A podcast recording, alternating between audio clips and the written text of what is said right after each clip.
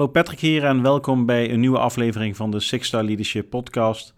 We leven in een bijzondere tijd, er gebeurt een hoop en dan is leiderschap belangrijk. Leiderschap in huis, leiderschap op het werk, leiderschap om je heen.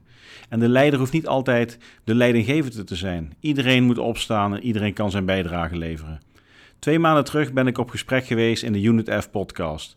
Daar kwamen onder andere dingen naar voren die op dit moment ontzettend actueel zijn. Hoe ga je om met leiderschap? Hoe ga je om in stressvolle situaties? Welke keuze maak je? Etcetera, etcetera. En omdat ik de laatste tijd veel vragen krijg van mijn luisteraars over Patrick, vertel eens wat meer over jezelf. Waar staat Sixer Leadership voor? Heb ik de keuze gemaakt om ook dit kanaal, dit gesprek te delen. Ik wens je heel veel luisterplezier.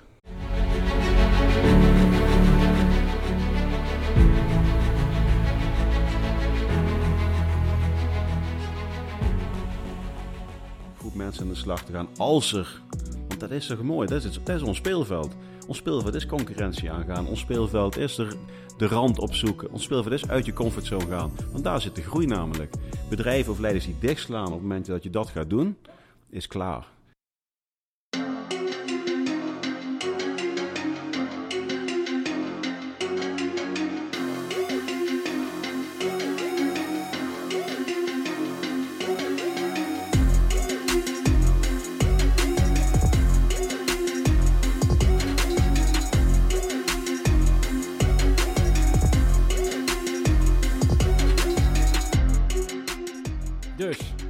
Gewoon beginnen. Ik zet eh, mijn koptelefoon gewoon af, want anders krijg ik het heel warm. Het ziet er heel leuk uit, maar voor de rest zit het ook Heel professioneel, ja. Ja, het ziet er wel heel professioneel uit. Eh, lijkt ja. een beetje op Gerard Ekdom, vind ik. Maar wij zijn, eh, wij zijn natuurlijk ook ontzettend professioneel met een, Andere biertje, auto. met een biertje in de hand. Ja, ik heb zeker een andere auto. Ja. En ik werk niet bij Radio 10, toch? Ja. Ik heb lekker mijn eigen station. Welkom weer eh, bij een nieuwe aflevering van de Unit F podcast. Ehm, vandaag voel ik mij ultiem veilig, want ik zit hier met twee mensen vanuit Defensie. Dus als hier eh, bij ons bij Unit F de oorlog uitbreekt, dan eh, komt het allemaal goed, hoop ik, toch? Toch? Neem ik aan. Ja, ik, ik heb weekend, dus eh van mij moet je niet zoveel verwachten. Oh, werkt dat zo bij Defensie? eh Ja, Bart? zeker. Ah, ja. Oké, nou ik voel me meteen een heel stuk veiliger. Not. maar ehm, ja, we hebben een bijzondere gast vandaag. Ik hoop dat ik het goed zeg, en anders mag je het straks lekker gaan, eh, gaan corrigeren. Maar waar ik ontzettend benieuwd naar ben, is iemand die ooit een bakkersopleiding heeft gehad. En die is eh, via het defensieapparaat weer eh, eh, terug de civiele wereld ingegaan. En eigenlijk in de basis met een hele hoop leiderschapslessen geleerd de hard way. Maar dat zullen we ongetwijfeld wel gaan ontdekken tijdens dit gesprek. Uh, en die leiderschapslessen die neemt hij nu mee in de praktijk. Niet alleen maar om mensen te coachen. Maar als ik het goed heb begrepen ook om nog steeds zelf toe te passen. Ja. Uh, maar wat ik al zei, uh, dat zullen we zo meteen gedurende het gesprek vanzelf wel gaan, gaan ontdekken. Zoals jullie van ons gewend zijn, gaan wij voordat wij onze gast daadwerkelijk gaan voorstellen, gaan we hem even een paar uh, stellingen voorhouden. Ze zijn lekker zwart-wit. Alleen maar ja of nee, of iets in die geest. Uh, en als je een beetje lief doet, krijg je na de hand uh, de kans om ze te nuanceren. Okay. Toch? Alright. Stelling nummer 1. Vertrouwen kun je niet ontwikkelen. Dat moet er gewoon vanaf het begin zijn. Ja. Ja. Oké, okay. wij noteren dat ook weer even, deze, dit antwoord. Um, teamcultuur ontstaat vanzelf. Daar hoef je niets aan te doen. Nee. Nee. Een goede teamleider bemoeit zich niet met de inhoud. Nee. Maar daar moest je wel even over nadenken. Ja. ja. dat was geen stelling trouwens. Even kijken, wat hebben wij nog meer? Hoe meer mensen in een team, hoe meer kennis aanwezig, dus hoe beter. Nee. Oké, okay, en dan nu de, de laatste. Welke zullen we doen, Bart? We hebben er nog een paar in de pocket. Ik uh, zeg, uh, bij sterk leiderschap is succes verzekerd.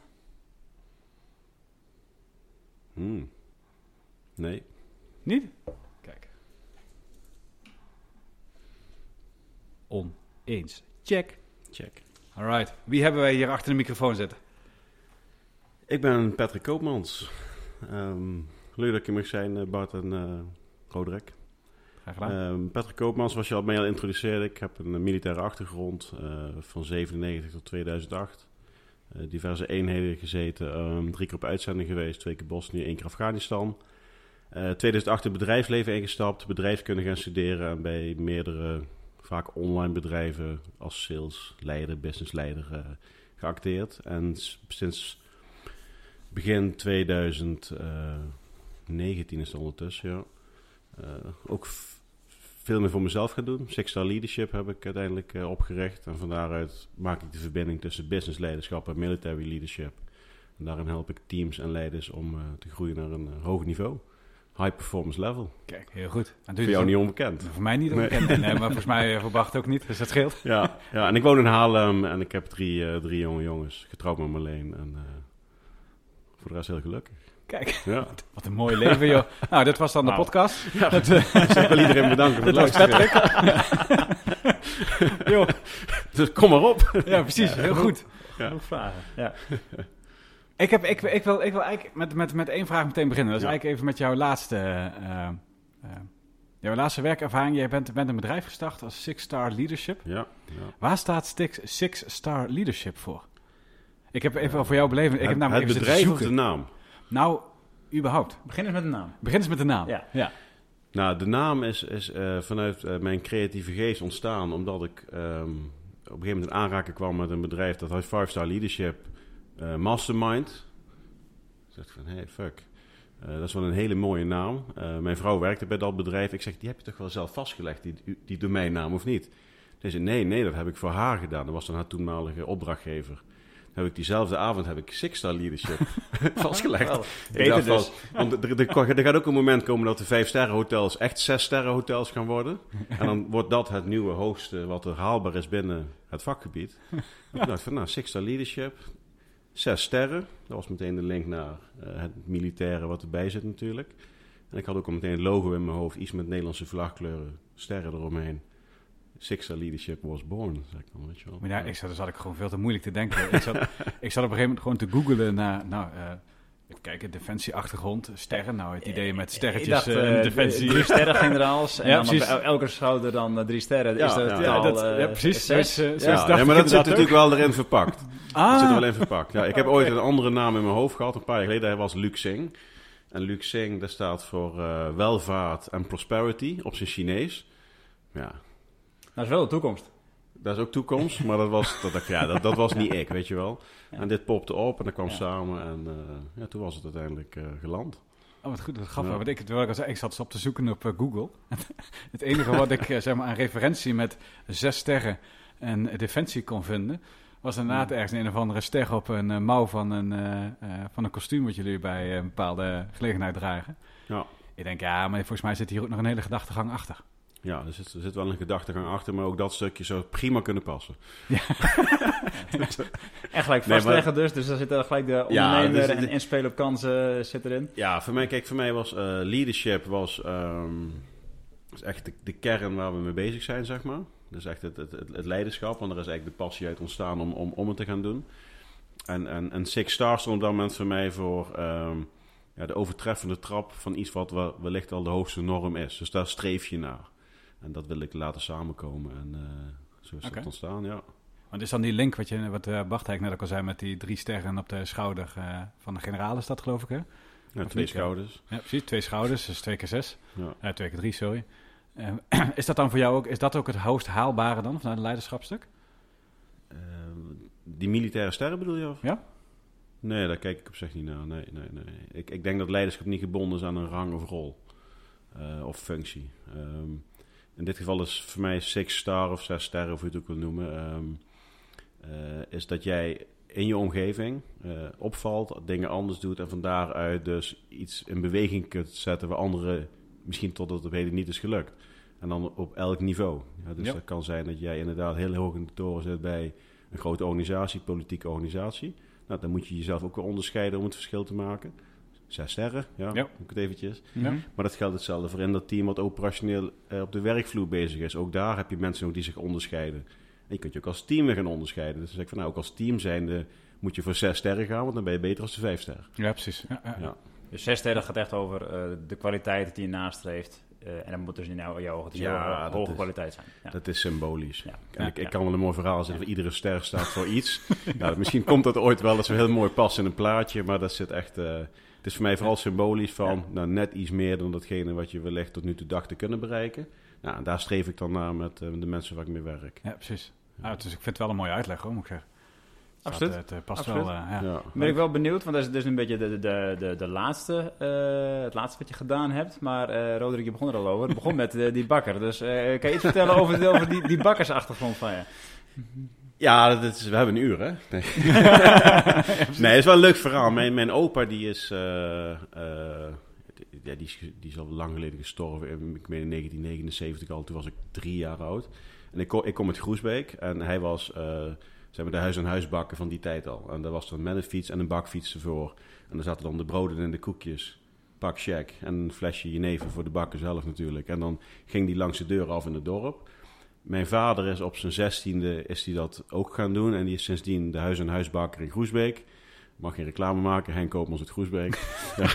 Dat, eh, En, plakken eh, we brood. Ja. Ik ben ook de zoon van de Dat bakker. piepen we even weg. Ja, oh, jij en, bent de zoon eh, van de bakker. Ja, dus ik, en ik, en ik, heb, ik ben opgegroeid met een leren tas om mijn middel heen met vijf gulden erin. En als ik een hele dag geholpen had, ik had goed gedaan, dan mocht ik dat briefje houden. En op die manier ben ik uiteindelijk naar de MAVO gegaan. En na de MAVO ben ik naar de bakkerijschool gegaan. Ja. En eh, daar heb ik leren brood bakken en banket bakken. En eh, was, ik, eh, was ik bakker, ja. Zo is dat ontstaan. Dus echt vanuit de derde generatie roots van vroeger uit. Was het voor mij een vanzelfsprekendheid om dat te gaan doen. Maar je bent niet de, de zaak over gaan nemen of zo. Nee, nee, ik ben, ik ben uiteindelijk, eh, heb ik die opleiding ook niet afgemaakt. Eh, met name ook door, door mijn moeder is ook jong overleden, dus uiteindelijk naar school gegaan. De op, ik kwam toen in Wageningen, wel of niet op kamers, kon redelijk goed voetballen. Die combinatie was gewoon te, ja, te heftig, zeg maar. Ja. En dat was mij uiteindelijk de keuze toen ik daarna nog van twee scholen ben, eh, vriendelijk verzocht was om iets anders te gaan doen, eh, ben ik uiteindelijk bij Defensie beland. Ja, en ik heb wel altijd heel veel passie gehad voor iets creëren met, met eten en brood. En, dus ik ben ook wel degene bij ons in huis wie, wie, wie, wie kookt, zeg maar. Ja, dus Ah, daar ja. komt ook die creativiteit vandaan. Ja, eh, ja, waardoor je dus nadenkt over zaken als eh, die naam. Ja. Eh, ik zei al, die, die, die, dat ondernemerschap, komt dat ook uit, die, die, uit je familie, uit het, uit het ondernemer zijn? Want ik, ik herken het Mhm. namelijk niet per se bij militair in het algemeen. Nee, nee. Ehm, ik, dat is later wel eruit gekomen, ja. Ik, ik denk dat ik... ehm, goed, je, we zullen ook nog over de militaire fase hebben, Mhm. uiteraard. Ja. Maar ik, ik, ik heb eh, na mijn, eh, mijn, mijn jeugd ben ik vrij snel richting, via de bakkerschool dan, eh, bij de militaire apparaat terechtgekomen. Ja, heel veel geleerd, eh, maar nooit ondernemend geweest. Nee. Nee. Toen ben ik vanuit Defensie de burgermaatschappij ingegaan. Eh, heel veel moeten wennen. En langzaamaan merkte ik van, hé, hey, er zit wel meer in het valt. Je kunt creatiever zijn, je kunt ook jezelf eh, meer uitdagen zonder dat jij daar een bedrijf voor nodig hebt. En van daaruit is dat langzaamaan zich gaan ontwikkelen. En dan merk je ook dat je heel veel mensen in je omgeving hebt die dat eigenlijk ook hebben. Maar je hebt nooit gezien. Nee. Kijk, en dat is wel, dat ondernemende heeft er wel denk ik altijd ingezeten. Maar door, misschien ook, dat is wel mooi, de omgeving bepaalt ook vaak of het eruit komt, weet je wel. Kijk, dat is wel heel interessant natuurlijk. Er is nog gewoon, want wat, wat is dan uiteindelijk voor jou de definitieve stap geweest om dan eh, vanuit het bakkersvak en het, het koken en met eten bezig zijn naar defensie toe te gaan? Dan? Ehm, Het zou, nou, het zou niet het eerste ik had mij- ontzettend behoefte aan, aan, aan vrijheid en een autonoom leven. En vind je dat bij defensie dan? Ja, Meer Ja. dan een eigen bakkerijwinkel hebben? ja, ja. Ja. Ik, ik wilde weg. nou, ga, dan ga ik het van de neg- negatieve kant benaderen. Ik wilde heel graag naar een omgeving waarin ik mezelf misschien opnieuw kon gaan uitvinden. Waar ik nieuwe mensen leerde kennen. Ja. Ehm, de oude patronen van, van thuis uit, zeg maar, waar je op je, in je puberleeftijd eh, misschien een beetje klaar mee bent. Op een gegeven moment wil je jezelf weer gaan bewijzen. En ehm, ik ben toen naar de Looierstraat in Arnhem gegaan met mijn OV. Eh, OV-pas, wie we toen hadden. in die hadden tijd. toen nog. Ja. Eh, ben ik naar die banenwinkel gegaan en ik ging daar van die folders halen. Dan kreeg je zo'n heel mooi leaflet kreeg je dan mee met alle rangen en standen erop. En ja, die heeft maanden langs mijn bed gelegen. En iedere dag ging ik dat boekje lezen en ik vond dat zo gaaf. De mechaniseerde brigade, die heeft mij gewoon met hun propaganda helemaal over. ik vond het fantastisch en die foto's. En Bosnië spelen toen natuurlijk net de jaren ervoor. Dus daar zag je foto's van. En eh, ja, ik dacht van ja, dit wil ik, weet je wel. Dit is voor mij echt iets waar ik in, waar, daar wil Ja. ik bij horen, zeg maar. Ja. En eh profvoetballer ging ik niet meer worden. Dus ik dacht van nou, als ik het kan doen, dan moet ik het nu gaan doen. Ja. En, eh, En hoe oud was je toen, is de vraag maar? eh, die nou, dat proces was 17, 18 jaar. En Ja. op mijn 19e ben ik uiteindelijk... eh, ja, precies, bij dat werk Dus gegaan. Ja. wel wel, gewoon wel- ja, best wel jong, ja. jong, maar voor Defensie weer normaal, zeg maar. ja, ja, ja. Is, Ja, dat, je- is dat voor defensie, is dat, is dat normaal? 19? Ja, 19, ja. Ja, vaak iemand maakt zijn, eh, zijn MAVO plus af of zijn HAVO plus. VWO en dan meestal rond, ja, tussen de, rond, de 20 is dat meestal. Ja. Ja, precies. Ja. Goh, Ja. bijzonder. En toen zat je bij Defensie. Ja. Waar zat je? Oorschot ben ik opgekomen. Kijk. Ja, en ik kwam daar eh, de eerste dag op de kazerne aan en dan kreeg je van je huisbaas je sleutel. En ik zat natuurlijk, ik was de tweede lichting na de dienstplicht. Dus er waren nog wat elementen uit die tijd die nog op de kazerne sliepen. En toen kwam ik mijn, eh, de kamer op die ik dan had gekregen en er lag een hele grote man met een eh, zakje wiet op zijn bed. Ik dacht, wat de fuck is dit? Oh. Ook- Een welkomstpakketje. dus, eh, Welkom bij dus ons. dan kwam je als, als manneke, noem maar eventjes, want je bent, dan, je, je bent wel 19, maar in één keer sluit je weer aan bij een nieuwe, nieuwe omgeving. En dan, eh, eh, dus dat was echt nog versnipperd. En gelukkig ging ik heel snel richting S voor 5 opwerken. Er was een speciaal, geen speciale eenheid, maar een deel van onze eenheid, die ging daar als peloton naartoe. Ja, uitzending naar, eh, Bosnië. Exact. Ja, Ja, ja, ja. Ja, naar Bosnië toe, ja. Ja. Is S45 is de uitzending naar Bosnië. ja, Ja, ja. Kijk, dus ik werd eigenlijk meteen gewoon voor de leeuwen gegooid. Ja, we werden heel snel eh klaargestoomd voor die, voor die uitzending. Kijk, en die uitzending op zich was niet achteraf eh, de meest spannende periode. Eh, goed, Bart, jij bent ook S voor geweest. Kijk, Ja. dus, dus die, die eind jaren 90, begin 2000 was vooral eh, heel leuk. Maar ik was 19, ik had nog nooit gevlogen. Ja, ik had nog nooit bergen met sneeuw gezien. Ik, eh, ik zag kinderen in de slippers in de sneeuw rennen. Ik vond het allemaal heel, heel indruk. kwam echt bij me binnen in die tijd. En ehm, ja, dat heeft me wel uiteindelijk, denk ik, is toen ook een zaadje geplant. Van ik wil wel langer bij deze organisatie blijven en daar meer mee doen. Want wat was dat dan? Wat je, dat, dat zaadje wat je had, ik wil daar meer mee doen. Ehm, Wat wilde je dan meer doen? in het buitenland zijn, ehm, niet alleen maar oefenen, maar ook met echte mensen werken, eh, echte problemen. Ehm, tijdens een oefening mag je fouten maken en dan kom je in een omgeving waar fouten maken eh, eh, daar kon leiden dat jij een weg pakte waar wel mijnen lagen. Ja, precies. Ja. Ja, dus, dus, Dus daar ging het ook echt om iets. Het ging echt om iets. En Ja. je had echt het idee van, hey, ik ben aan het presteren. je mag ook de lat hoog leggen voor jezelf, maar ook je mag ook eisen van de mensen om je heen dat dat, dat, dat gebeurt.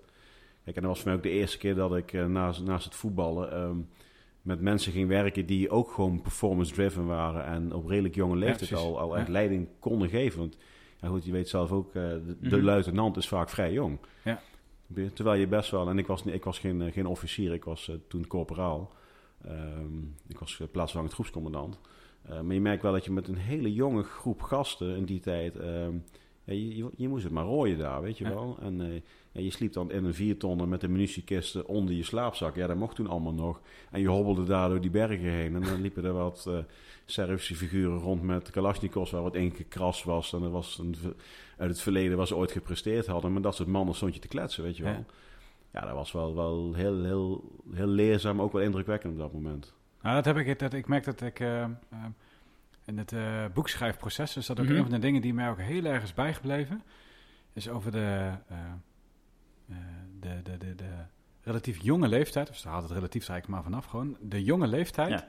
in relatie tot de immense verantwoordelijkheid die men heeft in dat soort gebieden. En de complexe omgeving waar we En- die mensen naartoe sturen. Ja. Precies, de complexe Ja, omgeving die, die moeilijk is, waar de, de, de risico's ook nog wel een paar stappen verder kunnen gaan dan alleen maar een, eh, een kiezeltje onder je voet, eh, bewijs van. Ik, ik was daar toen ook bij het boekschrijfproces ook enorm verbaasd over hoe jong die gasten inderdaad Ja. soms zijn met dat soort verantwoordelijkheden. En als ik dat dan relateer, nou, dat zul je ongetwijfeld wel herkennen. Als je dan ziet wat voor een gesoe- gesoebat eh, eh, eh, leeftijd kan zijn in de zakelijke wereld. Daar moet je vaak wel 5, 36 zijn, minimaal, als het nu nog nauwer, Mhm. ouder is, voordat je eindelijk eens een keer een afdelingshoofd of een, een projectmanager mag worden met een groepje van zes man. En dan mag je een projectje doen van een paar tientjes, bij wijze van. Ja, Laat ja. eerst maar eens zien dat je dat kan. En dit zijn gastjes van 22, 23. Leeftijd in, in, in, in de civiele wereld is leeftijd veel meer leidend. Ja, ja. Voor de verantwoordelijkheid die je krijgt dan bij Defensie. Bij Defensie is het veel meer wat laat jij zien, wat zijn je competenties en dit is de klus die jij van mij krijgt. Ja. En dan, dan eh, als je het niet begrijpt, dan, dan stel je vragen totdat je het snapt. En als je er geen vertrouwen in hebt, dan is het ook geen probleem om daar eventueel eh, voor oplossingen voor te zoeken. Kijk, en ehm, zeker als je wat ouder wordt, en wij zijn alle drie al wat, eh, wat, wat ouder. Ja, nee joh. ik ben 21 plus. Ja, kijk ook. Kijk, maar dan, dan, dan zie je nou pas van... ehm goh, Jezus, toen ik... Ja, Ja. Zo heeft iedereen zijn eigen voorbeeld. Toen ik 22 was, god, toen deden we dat al. Je? Terwijl ze nu nog geen bier mogen drinken. Ja, precies. Dus Ja. dan denk ik van, goh, Ja. we hebben het er over, weet je wel. Ja. Maar het- als ik, als ik eh, toch even dat, dat kleine sidestepje, want daarna wil ik ook wel even terug naar jouw geleerde lessen bij, eh, bij Defensie, die je nu ook gebruikt. Maar wat mij nou eh, wel constant bezig heeft gehouden, is de vraag: waarom doet de civiele wereld daar zo moeilijk over? Waarom is het in de civiele wereld de leeftijd blijkbaar wel bepalend voordat je een bepaalde rang en stand mag gaan bereiken? Terwijl dat bij defensie, waar de risico's en, en, en alles wat je maar, waar je verantwoordelijk voor bent, misschien wel eens vele malen groter is, dat een veel groter issue is.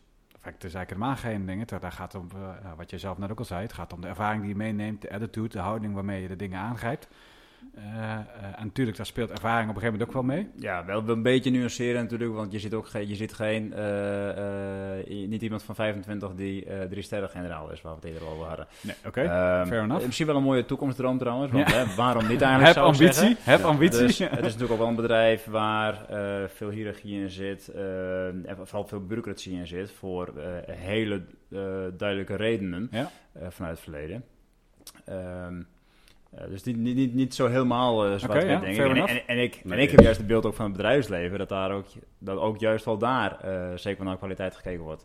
Ja, dat is, dat is, Ja. dat is wel veranderd, Bart. Als ik kijk naar... ehm, ehm, en ook af, bedrijfsafhankelijk. Ja, dat wil ik ook wel geloven. Ja. Kijk, je hebt, je hebt bedrijven ehm, waar ik zelf ook gewerkt heb. ehm Amerikaans start-up. Dat kijkt naar talent. Mhm. Want dan is één ding, hoe win je het van de concurrentie? Dus trek de beste mensen naar je toe. Zorg dat ze hè, echt een team worden, dat ze het leuk hebben, dat ze blijven en dan maak je het verschil. Ja. De wat meer traditionele organisatie is ook, is ook vaak, eh, eh, bestaat 50 jaar plus, even meer corporate omgeving misschien. Dan, dan degene wie de keuze maakt wie doorgroeit, heeft zelfs misschien ook moeten wachten. Ja, ze gaat politiek Ja. meespelen. Dus, dus die zal denken van ja goed, ik heb zelf ook pas op mijn 40ste toen die stap kunnen maken. Dus ik ga eerst maar eens eventjes Ja, ook drie jaar dat doen. Ja. Ja. Terwijl die gozer misschien al veel verder is dan die persoon wie die keuze moet maken ooit zal zijn, Ja. weet je Ja. wel. En Ja. dat houdt tegen, met als gevolg dat zo iemand misschien eh, wat minder gaat presteren, misschien weggaat en de omgeving ziet dat ook. Kijk, en dan krijg je eigenlijk een soort van domino-effect binnen zo'n bedrijf wat dat in stand houdt. Kijk, en ehm, dat zijn vaak stabiele bedrijven, maar zijn niet de bedrijven waar de meeste flexibiliteit ook is. Zonder daar een, iets positiefs of negatiefs van te vinden. Nou ja, dat zijn vaak natuurlijk wel de bedrijven die het meeste moeite hebben met zich aanpassen aan die constant veranderende wereld. Ja, Dat ze nog heel erg in die oude gedachtepatroon blijven hangen. Ja. Ja, dat ook, is wel, ook, ook eerlijk is eerlijk, ook delen van Defensie lijken ook op wat je daarvan Oh, beschrijft. Hè? 100%, Dus ja. Defensie is wat dat betreft ook een, eh, een hele grote corporate eh, eigenlijk. Ja.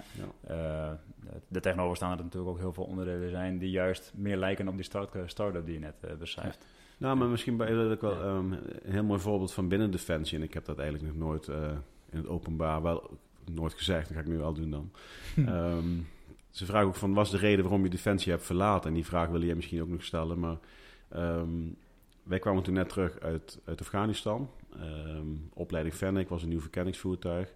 En toen, op dat moment speelde dat de groep van 30, 35 jaar. Dus zeg maar de, en de onderofficier, heb je het over sergeant, sergeant 1. En de officier, twee luitenant, kapitein, weet je, die lichting. was een grote uitstroom. Dus die mannen hadden allemaal, waaronder ik ook een uitzender gehad, hoop meegemaakt. En die waren toe aan de volgende stap en konden die misschien niet vinden bij Ja. eh, Defensie. Ja. En, en toen hadden wij een, ehm, een koffiemomentje met eh, de, de toenmalige ehm, brigadeadjudant en de landmachtadjudant. En ik vroeg dus van, goh, ehm, wat is eh, jullie idee bij wat er op dit moment speelt, die uitloop van? Mhm. Hij zei, Koopmans, zei die, jij moet blij zijn wat je hier hebt, want in de burger ben je niks. Ja, goed, toen knakte er iets bij mij, weet je wel. Ja. En toen, toen, toen ging alles in een versnelling. Toen ging je extra hard wegrennen. Ja. Dat zal ik wel eens laten zien, dacht jij. Ja, maar, maar, maar dat is wel een voorbeeld van... ehm, die man heeft dat misschien zelf ook ooit gewillen, nooit Ja. gedaan. Is Ja. blijven hangen, mag Ja. nu barbecues Ja. organiseren met alle respect. En toen stond er een keer zo'n snotaaf van 30, 32 jaar stond voor. hem. Die ging dat even vragen aan hem, weet Ja. je wel. Ja, daar kwam, dat was een smash in de face voor mij. Ja. Ik ben toen een maand daarna ben ik, ben ik, ben ik gestopt. Dat was de definitieve druppel. Ja, en misschien had ik hem juist wel nodig om die keuze ook te maken. Want dat is dan misschien, was het mijn pad, prima, weet je wel. Ja. Maar op dat moment was dat eh, een mooi voorbeeld van... eh, ik niet, jij ook niet, weet je wel. Ja. En ook tegelijkertijd nadeel van succes, hè? want we sturen mensen naar, eh, naar het buitenland op uitzending, geven ze veel verantwoordelijkheid. Eh, ja, eh, de meesten presteren ook gewoon heel erg goed, ook teams pre- presteren vaak Ja. heel erg goed. Eh, dus je hebt ook een heel bepaald succesgevoel. En dan komen ze ja, toch weer terug dan in Nederland in die normale In corporate ja. wereld van Defensie. Ja.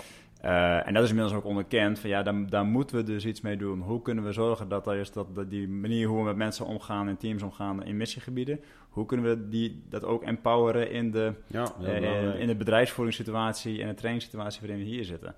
Dus het is onderkend. Dus ik denk nu dat als je de land mag dat je dan spreekt, dat hij zal dat niet meer zeggen. iets anders gaat zeggen. Ehm maar tegelijkertijd, ja, Ja. we hebben ook nog wel een weg te gaan. Ja, maar het is een bijzonder moment was dat ook. Ook eigenlijk in mijn leven, dat moment, dat is over 50 jaar nog steeds een moment in mijn leven, Ja, weet je wel. Voor jou is dat bepalend geweest. Ja, tuurlijk. Anders had ik hier niet eens gezeten. Dus ik moet die man een briefje sturen. Wat tof dat je mij toen te kakken zet. Weet je wel. En dat ik na een maand weg Dat wilde. logo had nooit bestaan zonder u, weet je, zeg ik dan. Kijk, en eh, Dus hij is zijn zes sterren waardig. hij zit zes steppen. nee, maar dat, is, kijk, maar dat is wel een mooi voorbeeld hoe jij, zeg maar, zonder jezelf te kunnen verplaatsen in de persoon wie eigenlijk eh, alleen maar op zoek is naar informatie om zelf te groeien. Ja. Eh, ja, als je de deur keihard dichtgooit, ja, dat is nooit goed voor de groei van de organisatie. Eh, kijk, en zo zijn er wel meer voorbeelden zoals mij natuurlijk. ehm, eh, waarin je eigenlijk als organisatie jezelf juist tekort doet. Dus ik vind het heel mooi om te horen Mhm. ook. En ik spreek wat oud-collega's natuurlijk.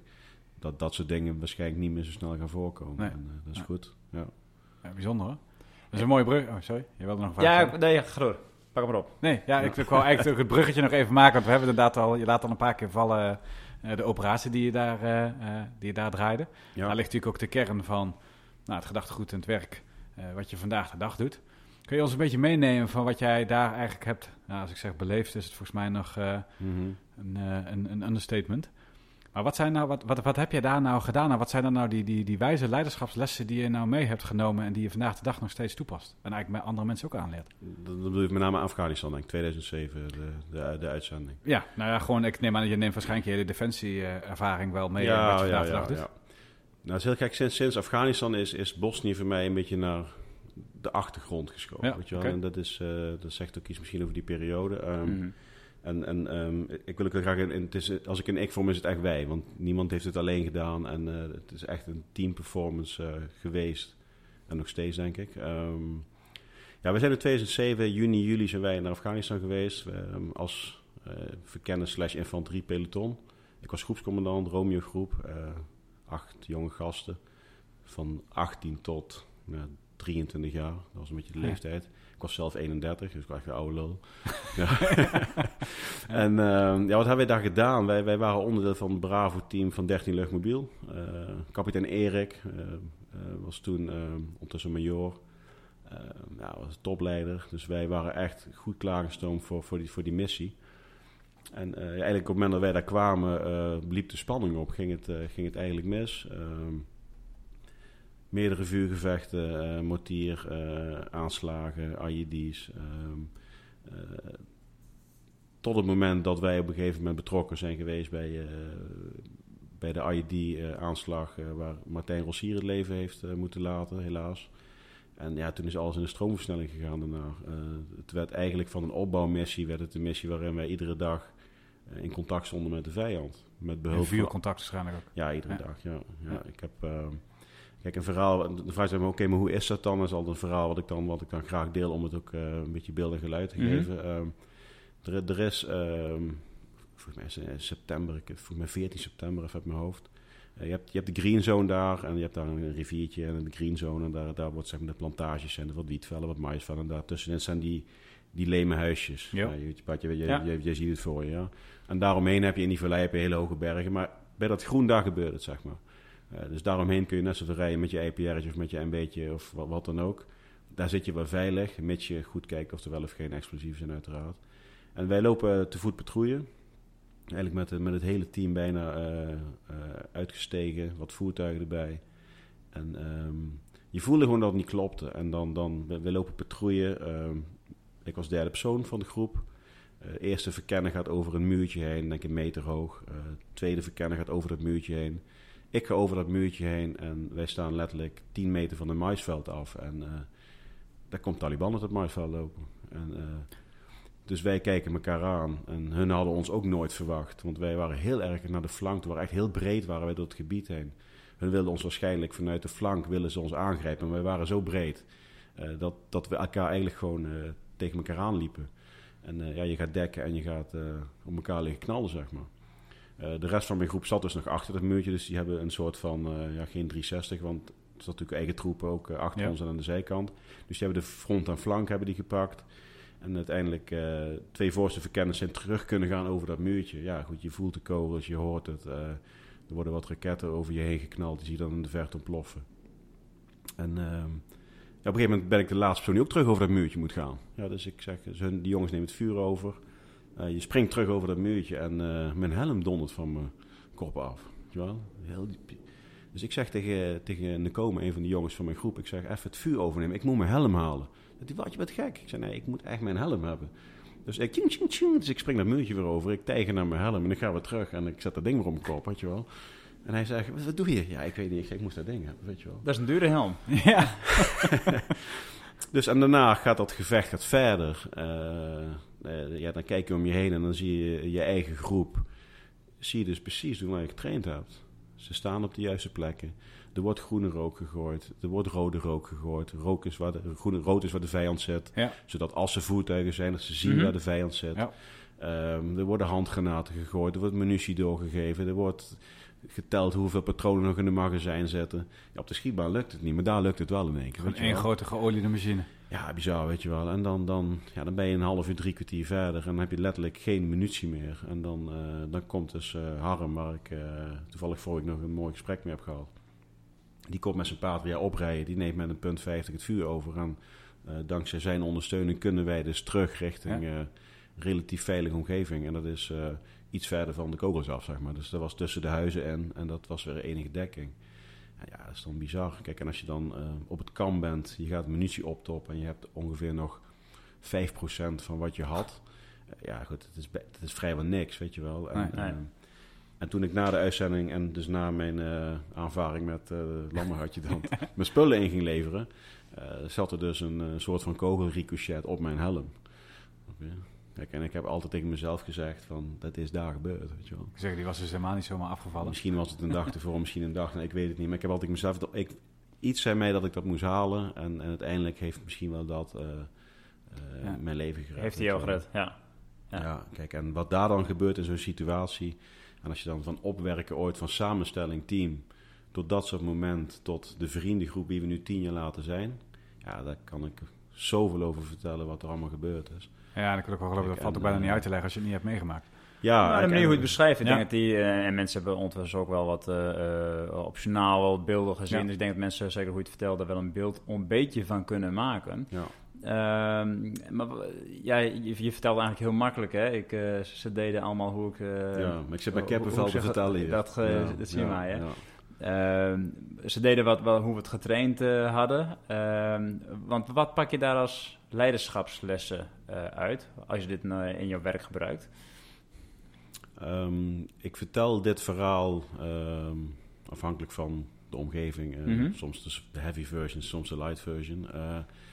Toen ik met deze groep aan de slag ging, was het niet de samenstelling die het nu is. Dus er zijn wat mensen afgevallen, mensen bijgekomen. Ehm, ik, ben, ik ben nog steeds van nature iemand die ergens heel dik op zit. Ja, dat is echt mijn kracht, maar ook mijn valkuil, weet je wel. Eh, eh, dus ik ben heel erg op detail. Ik leg de lat heel erg hoog. Ik verwacht dat de mensen die om- waar ik mee werk, dat die dat ook nastreven. Ik wil niet zeggen dat je het altijd haalt, maar het moet wel nastreven. Ja. weet je, Want iedereen heeft zijn eigen startpunt. Als die curve maar omhoog gaat. eh, En dus dicht op de inhoud ook, voor een van de stellingen. was- nou ja, Ja. ik, ik, ik ik denk, ik dat Ja. jij kennis moet hebben van de inhoud. Wil je iemand kunnen begeleiden Mhm. in zijn rol. Eh, maar niet de expert. De expert is, is die vent wie, wie, of die dame, Ja. wie, wie, wie, wie, wie, wie zijn ding moet doen. En ehm, ik heb in het opwerktraject heel veel moeite gehad om te connecten met mijn groep. Oké. Eh, omdat ik, ehm, ik zat te dicht op de inhoud. Ik zat te controlerend. Ik was te directief. En ehm, op een gegeven moment hebben wij de knop omgezet. Ik ben met, eh, met, met die gasten ben ik uh, Mar Marnewaard, Oefendorp, ja. Eh, zijn we op een zolletje gaan zitten. Heb ik gezegd van jongens, godverdomme, wat, wat gaan we doen, weet je wel? Het loopt niet lekker. En eh, en toen hebben we alles afgegooid en hebben we daar een gesprek gehad met elkaar. En toen heb ik voor mezelf besloten van Patrick, zij zijn goed in wat ze doen. Ik moet hen helpen om nog beter te worden. Hoe kwam je erachter? Ik, ja. Ja, het, was gewoon, het, het, het voelde zo slecht wat wij aan het doen waren. Terwijl ik wist van de potentie van ons als individu. Dat is ook een van de vragen volgens mij. Ja. Als individuen waren wij zo goed. Alleen het liep niet lekker. Het voelde niet goed. Ehm, een stukje vertrouwen ontbrak. Wantrouwen misschien wel. Ehm, kijk, en uiteindelijk uh, was, mij, was het inzicht van ons allemaal, want je voelt het allemaal wel aan. En ik ben dan natuurlijk de commandant. Ja. Ik gooi de knuppel in het hoen. Ja, je moet het bespreekbaar maken, hè? Ja. Uh, hoe gaan we het doen? Kijk, en toen is er iets in gang gezet waarin, waarin we eigenlijk 180 graden anders met elkaar zijn gaan werken. Met als gevolg dat wij um, echt een top-performant groepje werden uh, binnen de eenheid, terwijl iedereen goed was. Uh, maar ik vond ons heel goed. En jullie waren zes sterren. wij waren goed, ja. ja. Maar dat lag niet aan mij, dat lag in de samenstelling. En, en er waren geen pieken, heb je? Waren ook geen diepe dalen. Maar samen vulden wij elkaar ontzettend goed aan. We ja. kenden elkaar, we zeiden alles wat we dachten. We namen dingen van elkaar aan.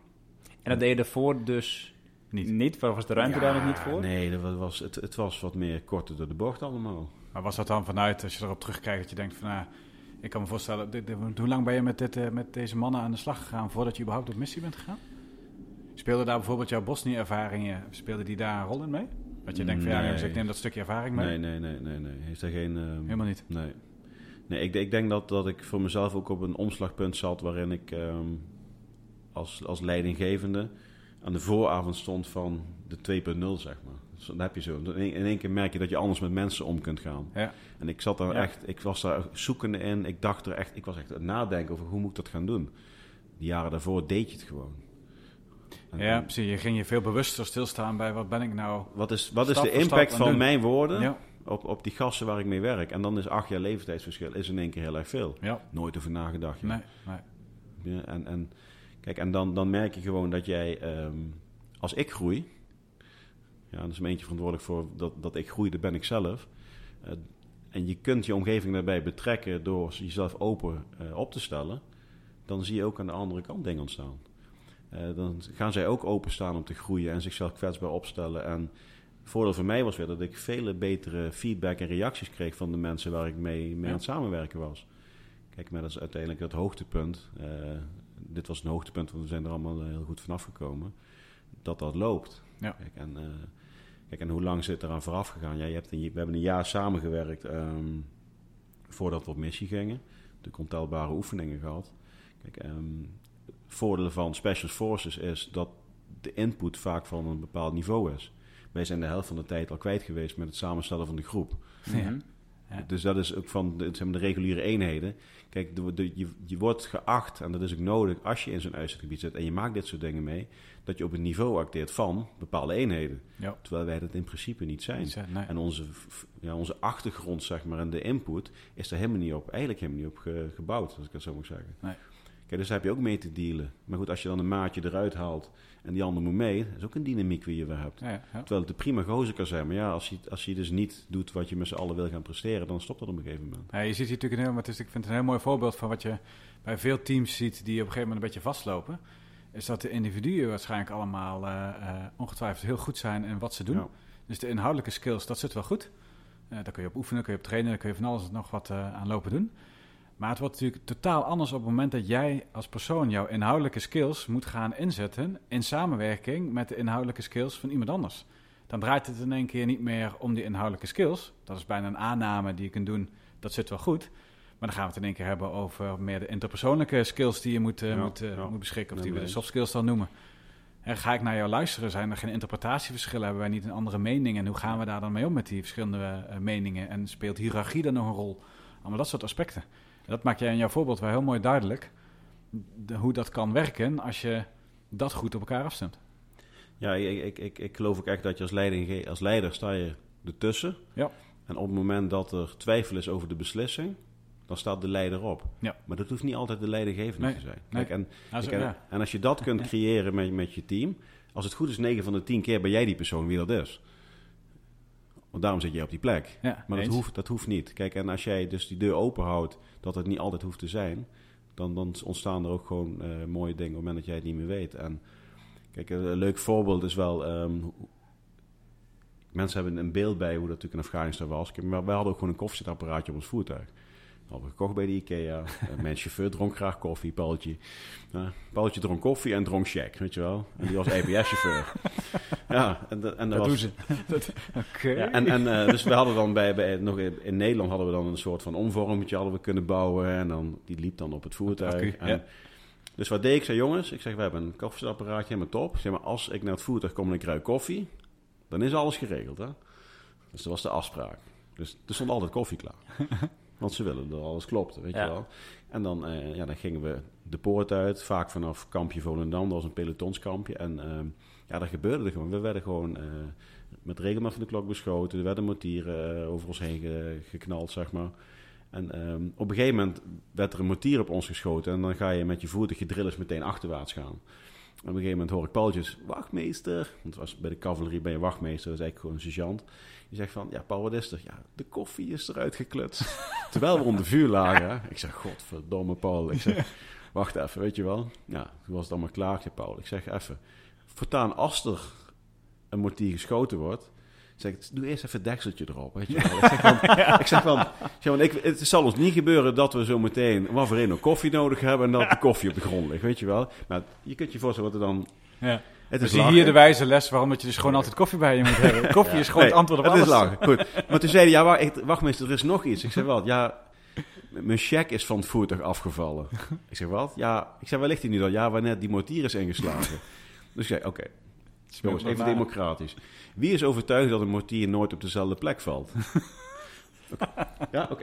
Rij maar even terug, er is geen risico. Dus wij naar voren toe en eh checkie opgehaald, weet je wel. Ja, dat is hilarisch, weet je wel. Kijk, maar op die manier ga je, ga je eigenlijk van een mega gespannen situatie... Ja.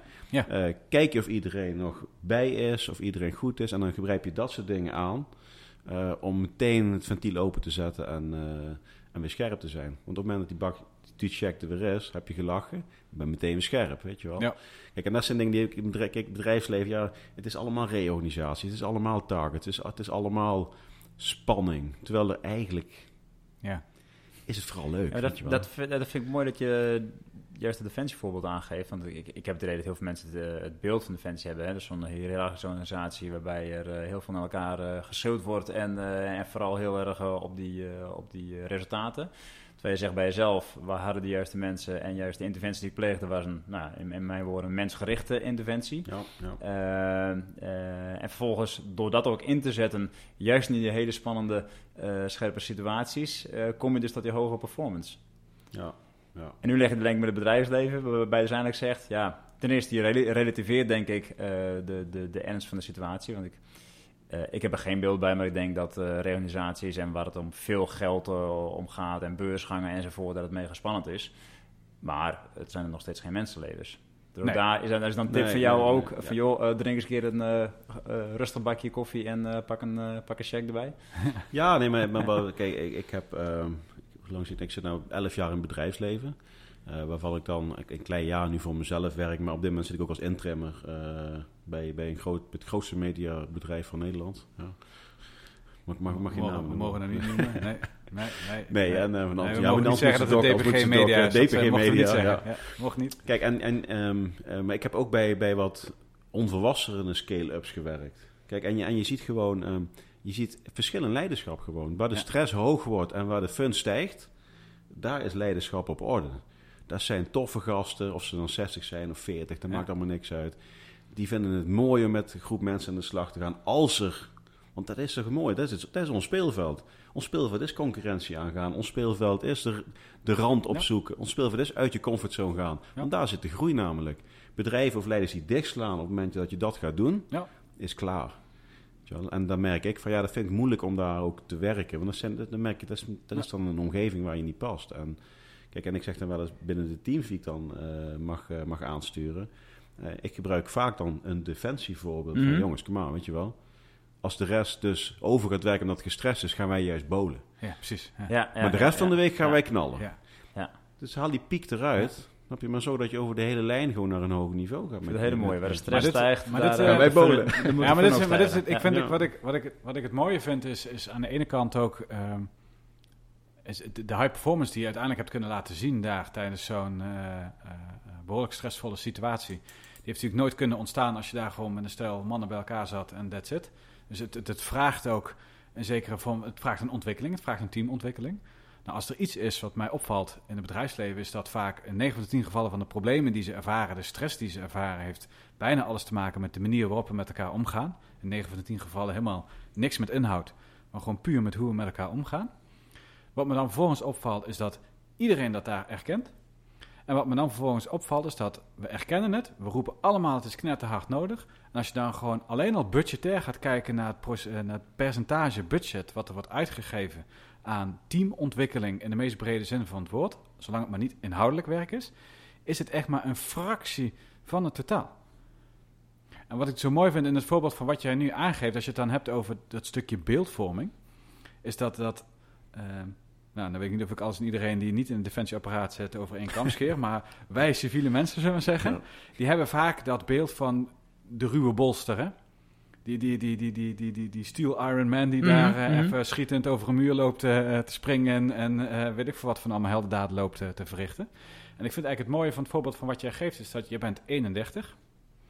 Je hebt een zootje mannen onder je. Die zitten in een leeftijdscategorie. Nou, vond ik niet de meest prettige leeftijdscategorie om überhaupt leiding aan te geven. Want dat fietst overal naartoe en vooral de kanten op waar je ze niet wil hebben. Dus maak daar maar eens een eenheid van. En toch durf je op dat moment, heb je het lef, maar eigenlijk een stuk, ook als leider zijn, een stuk kwetsbaarheid te laten zien.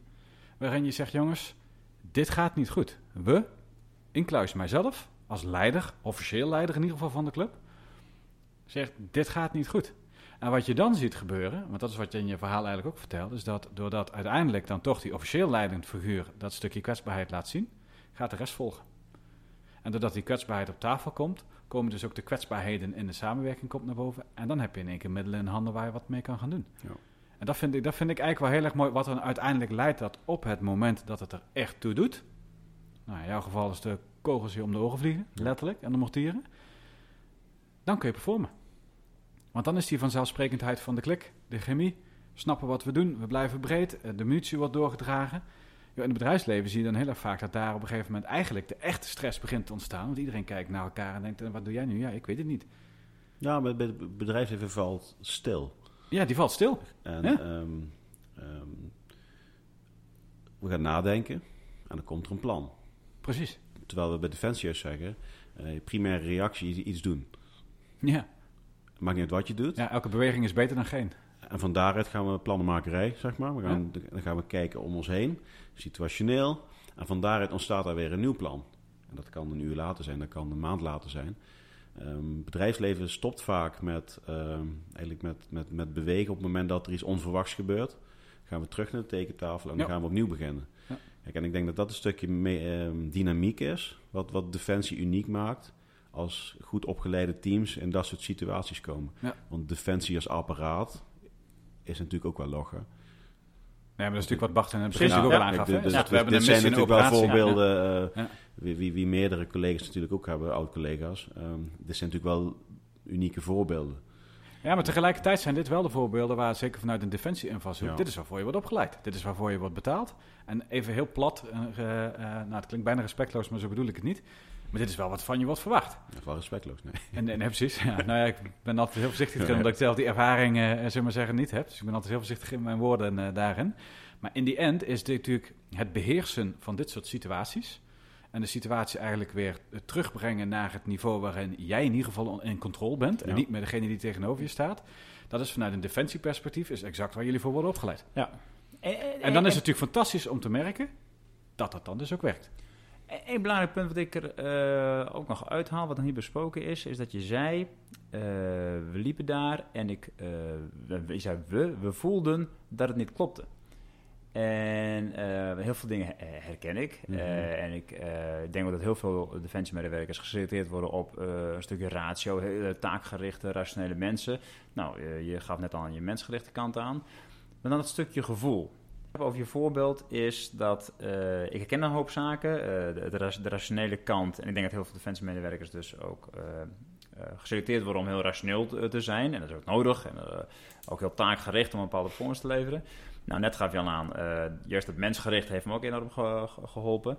Maar dat moment dat je zei, we voelden dat er iets niet klopte, dat, dat is het gevoel en het omgaan met gevoel. Dat is iets wat niet per se uh, aandacht krijgt bij, bij Defensie, in opleidingen ook niet. Uh, tegenwoordig wat meer. We hebben zelfs uh, yoga-trainingen die er bestaan en mindfulness, dus dat begint wat in te komen. Maar is dat iets wat jij ook, ook meeneemt in, in, je, in wat je nu doet? Ja, zeker. Ja. Ja, leuk dat je dit vraagt. Ehm, ik, ik had moeite met mijn overstap naar de burgermaatschappij. Ik was de people manager bij Defensie, langzaamaan geworden met mijn groep. Ik was de botte lul in de burgermaatschappij. Dus ik, Ja? ik moest helemaal mezelf opnieuw weer gaan uitvinden. Ehm, ik had huilende vrouwen aan mijn bureau. Ik had nooit met vrouwen gewerkt. Ik zei gewoon van hoe het was. En dan zei mijn manager, eh, je moet meer lachen. Ik zeg, hoezo dan? Ja, wat je nu doet. En wat doe ik dan? Weet je, oké. Ja, dus dat, dat soort gesprekken had ik dus. Ja.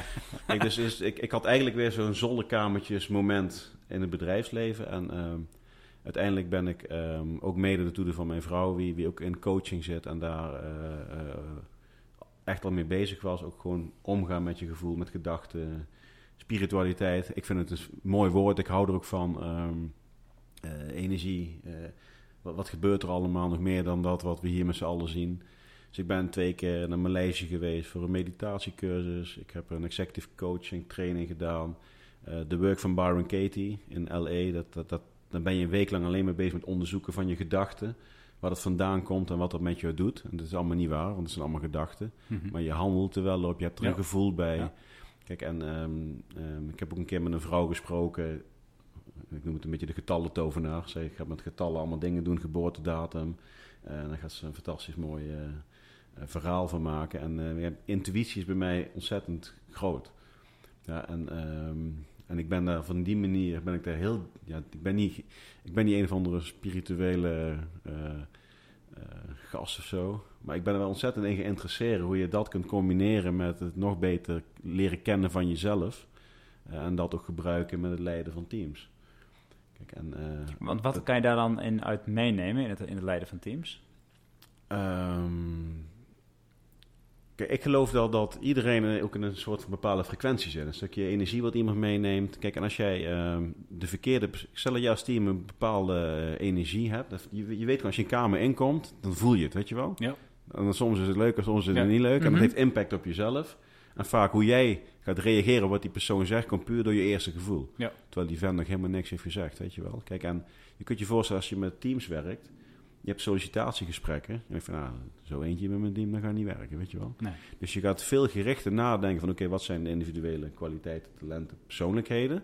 Nou, dat gooi je in een grote pot. Daar komt teamcultuur uit, ook een van jouw vragen. Dat ontstaat dan door de mensen die je samenvoegt. En dan ga je wel heel gericht over nadenken hoe je dat kunt gaan inzetten voor, voor de toekomst. Voor vandaag, maar ook hoe je het gaat uitbreiden. Kijk, en er is een stukje intuïtie, gevoel, eh, los van het rationele, is, is wel een essentieel belang daarin. Eh, hoe, Maar- hoe, zou de militair van, die je was, eh, het is het 15 jaar geleden, hoe, hoe zou die nu, eh, als hij nu, nu naar jou zou Ja. luisteren, wat zou hij dan denken? Dit gas gek. ja, maar diezelfde man, die zit nu dat allemaal te beweren. Dus ja, maar dat zat er toen ook al in. Oké, Dat zat er toen ook al in. wat, wat zou je Maar- nu, leiders van nu aanraden om te doen? Wat, is, wat, wat moeten we dan nu anders doen dan wat we Nou, ik zou dingen gaan doen waarvan je denkt van, doe ik niet. Maar is dat door, door dwarsigheid? Omdat je Nee, denkt, maar, joh, maar daar, zit, daar, zit, daar zit dus de uitdaging in. Kijk, dus als jij zegt van... ehm, ehm, ehm, ga, ga de dingen doen waarvan je nu zegt van... Ja, dat is misschien wel goed voor me, maar dat past niet bij me. Nou, dat moet je gaan doen. Dus ga, Ja, wel, ga wel... uit je comfortzone uit je comfortzone. Ja, dus ga wel, ga wel naar die lezing van die mevrouw die jij een beetje gekkie vindt. En ga, ga er eens achter komen dat er misschien wel iets te halen valt. Ik wil niet zeggen dat je alles meteen top moet vinden. Ga eens wel dat ene boek lezen wat je denkt dat saai is. En haal er dan uit wat je wel leuk vindt.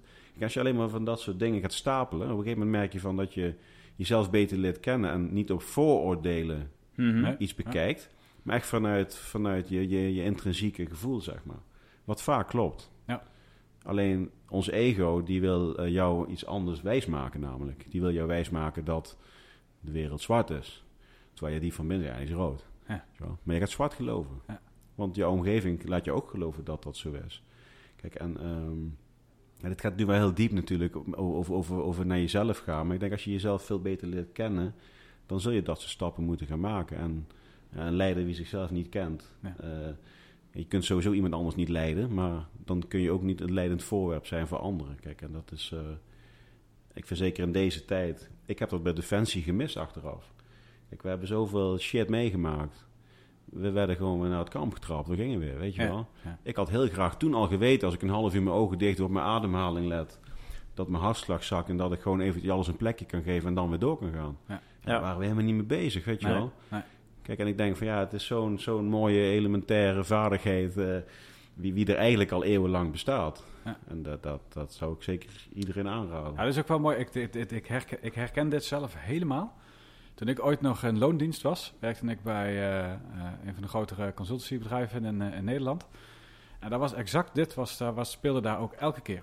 Dan zat jij, nou weet je, goed, wij deden dan geen militaire operaties, maar dan deden we de operaties bij de klanten.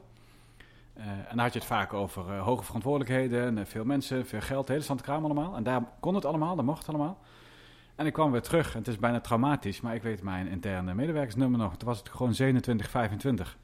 En ik mocht gewoon weer in het reguliere proces. En als ik een potlood wilde hebben, dan moest ik dat in drievoud moest ik dat indienen. Ja. En, en bij voorkeur eh, eigenlijk liever niet, want dat kost alleen maar geld. En je werd gewoon weer naar de volgende opdracht eh, getrapt. Want dan konden we weer een leuk uurtarief voor je vangen. En ga het daar dan maar weer doen. En er stond niet bij stil bij, hé, hey, maar een stukje verwerking van zo'n opdracht speelt een rol. Nee, je bent de bank zetten, dus je kost geld. Weg ermee. Kom op, je moet gewoon weer ingezet worden. Ja, maar, maar kijk, maar stilstaan bij wat is, is wel belangrijk. Ja, je moet je Kijk, lessons learned wel even meenemen. Ja, kijk, en het gaat, het gaat ook allemaal snel. En het is helemaal niet erg dat dingen in het leven snel gaan. Dat is Nee, ook allemaal leuk, weet je wel. Houdt het allemaal spannend. Maar het, het is wel goed om, om, om te weten wat er gebeurt en dan ook, ook te voelen. Kijk, en ik denk, wat, wat jouw vraag destijds in de green Mhm. in Afghanistan. Kijk, intuïtie moet je niet negeren. Nee. Eh, misschien hebben we dat daar wel gedaan. En zijn we daarom in die situatie gekomen. Misschien hadden we dan moeten luisteren, hadden we eventjes halt moeten houden. Van, eh, jongens, ga eens even kijken, want ik heb het idee dat het niet Ja. klopt. Maar dat deed je niet. Nee, nee, dat snap ik ook wel. Kijk, en dat is natuurlijk heel raar, want het is natuurlijk wel, je hebt het niet voor niks gekregen. Maar zou je dan nu met, ja, dat is misschien ook wel een beetje een open deur vraag, maar met de wetenschap die je nu hebt, zou je dat dan toen wel gedaan hebben? nee, weet ik niet. Nee. Ik kan wel zeggen ja, dat is een logisch antwoord. Maar Ja, ja. kijk, misschien moet je juist doorlopen, alleen eh, je bent misschien ergens op berekend. Ja. Kijk, je, je hoort die hond blaffen wie eerst niet blaft. Je ziet die auto rijden wie er eerst nooit stond. Ja. Dat zijn allemaal signalen en dan gaat je lichaam gaat erop reageren. En dan is het, voor mij is dat dan energie wat daar op dat moment afspeelt. Ja, dat is wel heel veel waard. Ja. En, en dat gebruik ik nu heel sterk. Ik ben echt een, een gevoelsleider geworden. Ja. Ik was echt een punt Ge- komma leider. Geworden, ja. Ja, echt. Ik ben het echt geworden. Maar wel doordat ik van mijn omgeving heel veel signalen terugkreeg. Van dit werkt niet. En ehm, ik heb een paar jaar geleden heb ik mijn oude groep heb ik allemaal eh, een mailtje gestuurd van goh. Hoe hebben jullie mij destijds als leider ervaren? Ja, Vertel- mooie van, vraag. Van, van begin tot het einde, weet je wel. Ja. En ik had heel erg behoefte aan, eh, ja, een stukje, eh, misschien had ik behoefte aan bevestiging. Mhm. Maar ik was met name op zoek van, goh, hoe, hoe hebben jullie dat ervaren, weet je wel? Ja, en daar kwam dus eigenlijk zeven unanieme mailtjes, allemaal één voor één apart terug. Ja, in het begin, ja, was echt niet leuk, weet je wel? Ja. Nee, het was echt heel erg afstandelijk, heel direct. En ja, naarmate we met elkaar aan het werk waren, werd je echt onze kameraad. En waren we samen de klus aan het klaar. En vertrouwden wij erop, alles wat jij zegt en doet, wij geloofden onvoorwaardelijk in jou. Maar er zit wel twee jaar tussen. Ja. Ja. En ik merkte in de burgermaatschappij dat ik weer aan het begin zat. Dus ik, ik had behoefte aan mijn leercurve binnen mijn groep te leren kennen. Ja. Om in het bedrijfsleven te begrijpen wat ik moest gaan doen. Ja, dat is natuurlijk super, weet je wel. Maar ik vond het wel eng. Nou, ik, vind, ik vind het wel grappig, want je hebt... hebt, eh, ik, ik, ik, ik blijf dat nog zeg maar, een van de, de moeilijkste onderwerpen vinden als het gaat om een vertaalslag van hoe iets aan de defensiekant werkt. En uiteindelijk dan in zo'n eh, zo'n stresssituatie ook, ook blijkt dat dat ook werkt. Versus het bedrijfsleven waar er de behoefte is, maar ze er niks aan doen om het dan voor elkaar te krijgen. En waar ik op doel is, is als je in het bedrijfsleven vaak ziet, en misschien chargeer ik een beetje te veel, maar als je daar teamproblematiek tegenkomt, dan is een van de allereerste reacties die men doet, vaak al zelfs al vanuit leiderschapstuk, is wat ik noem het eliminatieproces. We gaan het probleem wat mensen hebben, gaan we elimineren. En dat begint met gewoon nou, links laten liggen en geen aandacht aan geven, tot in de meest extreme geval, ik mot je niet, dus ik zet je uit het team. In plaats van dat we het probleem oplossen. Terwijl wat jij nu beschrijft, en zeker dan zeg maar, in die mails ook nu, die je dan nu ook, ook, ook krijgt, ook, ook achteraf, is dat je ziet van ja, maar wacht even. Wij zijn met elkaar, wij voeren met elkaar een team. Er zat ongetwijfeld onbewust, die mannen waren daar waarschijnlijk ook helemaal niet mee bezig, toch de wetenschap van hey, we moeten deze klus met elkaar gaan klaren. Dus we moeten met elkaar een manier gaan vinden waarop we dit werkbaar gaan krijgen. Ja. Dus je Dat is wel echt een attitude. Zonder eliminatie, want alle ingrediënten zitten erin. Nee, je- je Alleen moet- we moeten andere dingen doen. Precies, we Ja. moeten het op Ja. een andere manier gaan inrichten. Kijk, Dus maar die jongens zijn ook allemaal tien jaar ouder nu. Kijk, en die, Ja. Tuurlijk. die, die, die, die kijken nu ook terug naar zo'n... Kijk, als ik ze dat tien jaar terug had gevraagd, dan was er ook een ander antwoord Ja, gekomen. Misschien. Die jongens zijn wijzer Ja. geworden, die hebben ook hun eigen kennis, ervaringen weer ondertussen opgebouwd. Kijk, en dat is gewoon, ja, voor mij was dat natuurlijk ehm, is goud dat ik dat Ja. soort mensen om me heen heb gehad. Eh, maar met name even terugkomen op team. Kijk, ik, denk dat, ja, het is natuurlijk een dooddoener, maar het team is zo sterk eh, eh, als een zwakste schakel, zeg ik wel. Dus dat is inderdaad een dooddoener dit. Nee, maar, maar het, het is natuurlijk... ehm, ehm, en dan is zwakste schakel niet eens het goede woord, weet Nee. je wel. Want, want uiteindelijk kijk je wat de keten is en die keten presteert. En, Ja, en, het ene eh, moment is de ene de zwakste schakel en het andere moment is de andere dat. Ja, er is... Er is, er is niet no- één. Nee, het, het is echt een, eh, een, een eenheid, zeg maar, ja. Ja. En dan wordt een mooie tijd met die gasten gehad. En dan kun je op die manier terugvallen op je verleden. Dat is natuurlijk heel waardevol. Ja. Daar ben ik heel dankbaar voor. Ja, prachtig, hè? Nou, en bedrijven die dus allemaal problemen hebben met eh, teams die niet functioneren of waar eh, mensen denken aan elimineren, die ze kunnen dus nu bij, bij jou terecht om Ja, eh, ja, gebruik te maken van jouw mooie, mooie inzichten. Eh, we moeten ook naar een afronding eh, Ja. toe. Heel goed. Even Eh, voor de luisteraar, ik had Bart ook even gevraagd om mij te helpen met timekeeping. ja, dat is toch iets eh waar we ook een taakverdeling, zeg zijn, maar. geworden. Ja, we kunnen wel uren ja, doorlopen. we, ja, we Ja. kunnen nog heel erg lang Maar doorgaan. om, ja. om toch no- no- nog op jou, eh, met jou af te sluiten, kan je het vertellen over jouw eh, ambitie en werkzaamheden voor de komende half jaar? Komende half jaar, ja. Ik zit nu bij DPG Media als interim manager. Eh, een hele mooie opdracht bezig in, eh, in de regio waar ik met sales teams aan de slag ben. Eh, heel erg leuk. Groot bedrijf, eh, digitale ambities. Dus dat is eh, heel mooi om daar deel van uit te maken. En met Sixa Leadership ehm, ga ik de komende maanden een aantal dingen organiseren. eh individu, maar ook voor teams. En dat zal dan echt een combinatie worden van business en military. Ja. En ik zeg, hou de site in de gaten en dan schrijf je in. We zullen het in de comments bij de podcast erbij zetten. Ja, Nee, is goed, maar het is, kijk, zes maanden is, is, is vrij kort. Ik wil een aantal hele mooie dingen met Sixta Leadership gaan doen. Ja. Ik wil mijn voet in de klei houden in het bedrijfsleven. Dan kan ik altijd die combinatie blijven maken. En dan, eh, Want jij focust je ook met Six Star Leadership gewoon echt specifiek vanuit de lessen die jij in Defensie hebt geleerd voor de civiele wereld, toch? Ja, dus het is niet is wel- specifiek gericht op veteranen of andere... nee, helemaal niet nee, zelf. helemaal niet. Kijk, ik heb natuurlijk ook die podcast en daar spreek ik met mensen die, die eh, zowel een eh, militaire affiniteit hebben. Ja. We hebben Ja, ook gesproken, affiniteit hebben. En nu werkzaam in het bedrijfsleven. Ja. Of in mijn ogen exceptionele leiders binnen Defensie zijn. Kijk, maar wat ik met name boeiend vind, is die combinatie van. Ja. Kijk, eh, ik ben niet vanuit het leger meteen een bedrijf begonnen wat de, de burgermaatschappij gaat uitleggen hoe het werkt. Want er is ook heel veel wat, of heel veel, er gaat heel veel goed in het bedrijfsleven waar Defensie heel veel van kan gaan leren. Nou, ik probeer mijn learnings en mijn eh, grote, noem je dat, klappen die ik heb gehad, eh, over elkaar heen te leggen. En eh, dat is waardevol. Ja. Dus eh, prachtig. Dankjewel. jullie ook bedankt. Patrick, we gaan eh, naar het afronden. Ik wil jou enorm bedanken. Ik vond het een heel mooi gesprek. Absoluut. Ik wil je ook heel erg danken voor jouw openheid Ja, dankjewel jongens. en voor jouw eh, gevoeligheid. En eh, hopelijk tot ziens. We houden contact. Houden contact. Dankjewel. Dankjewel. Succes.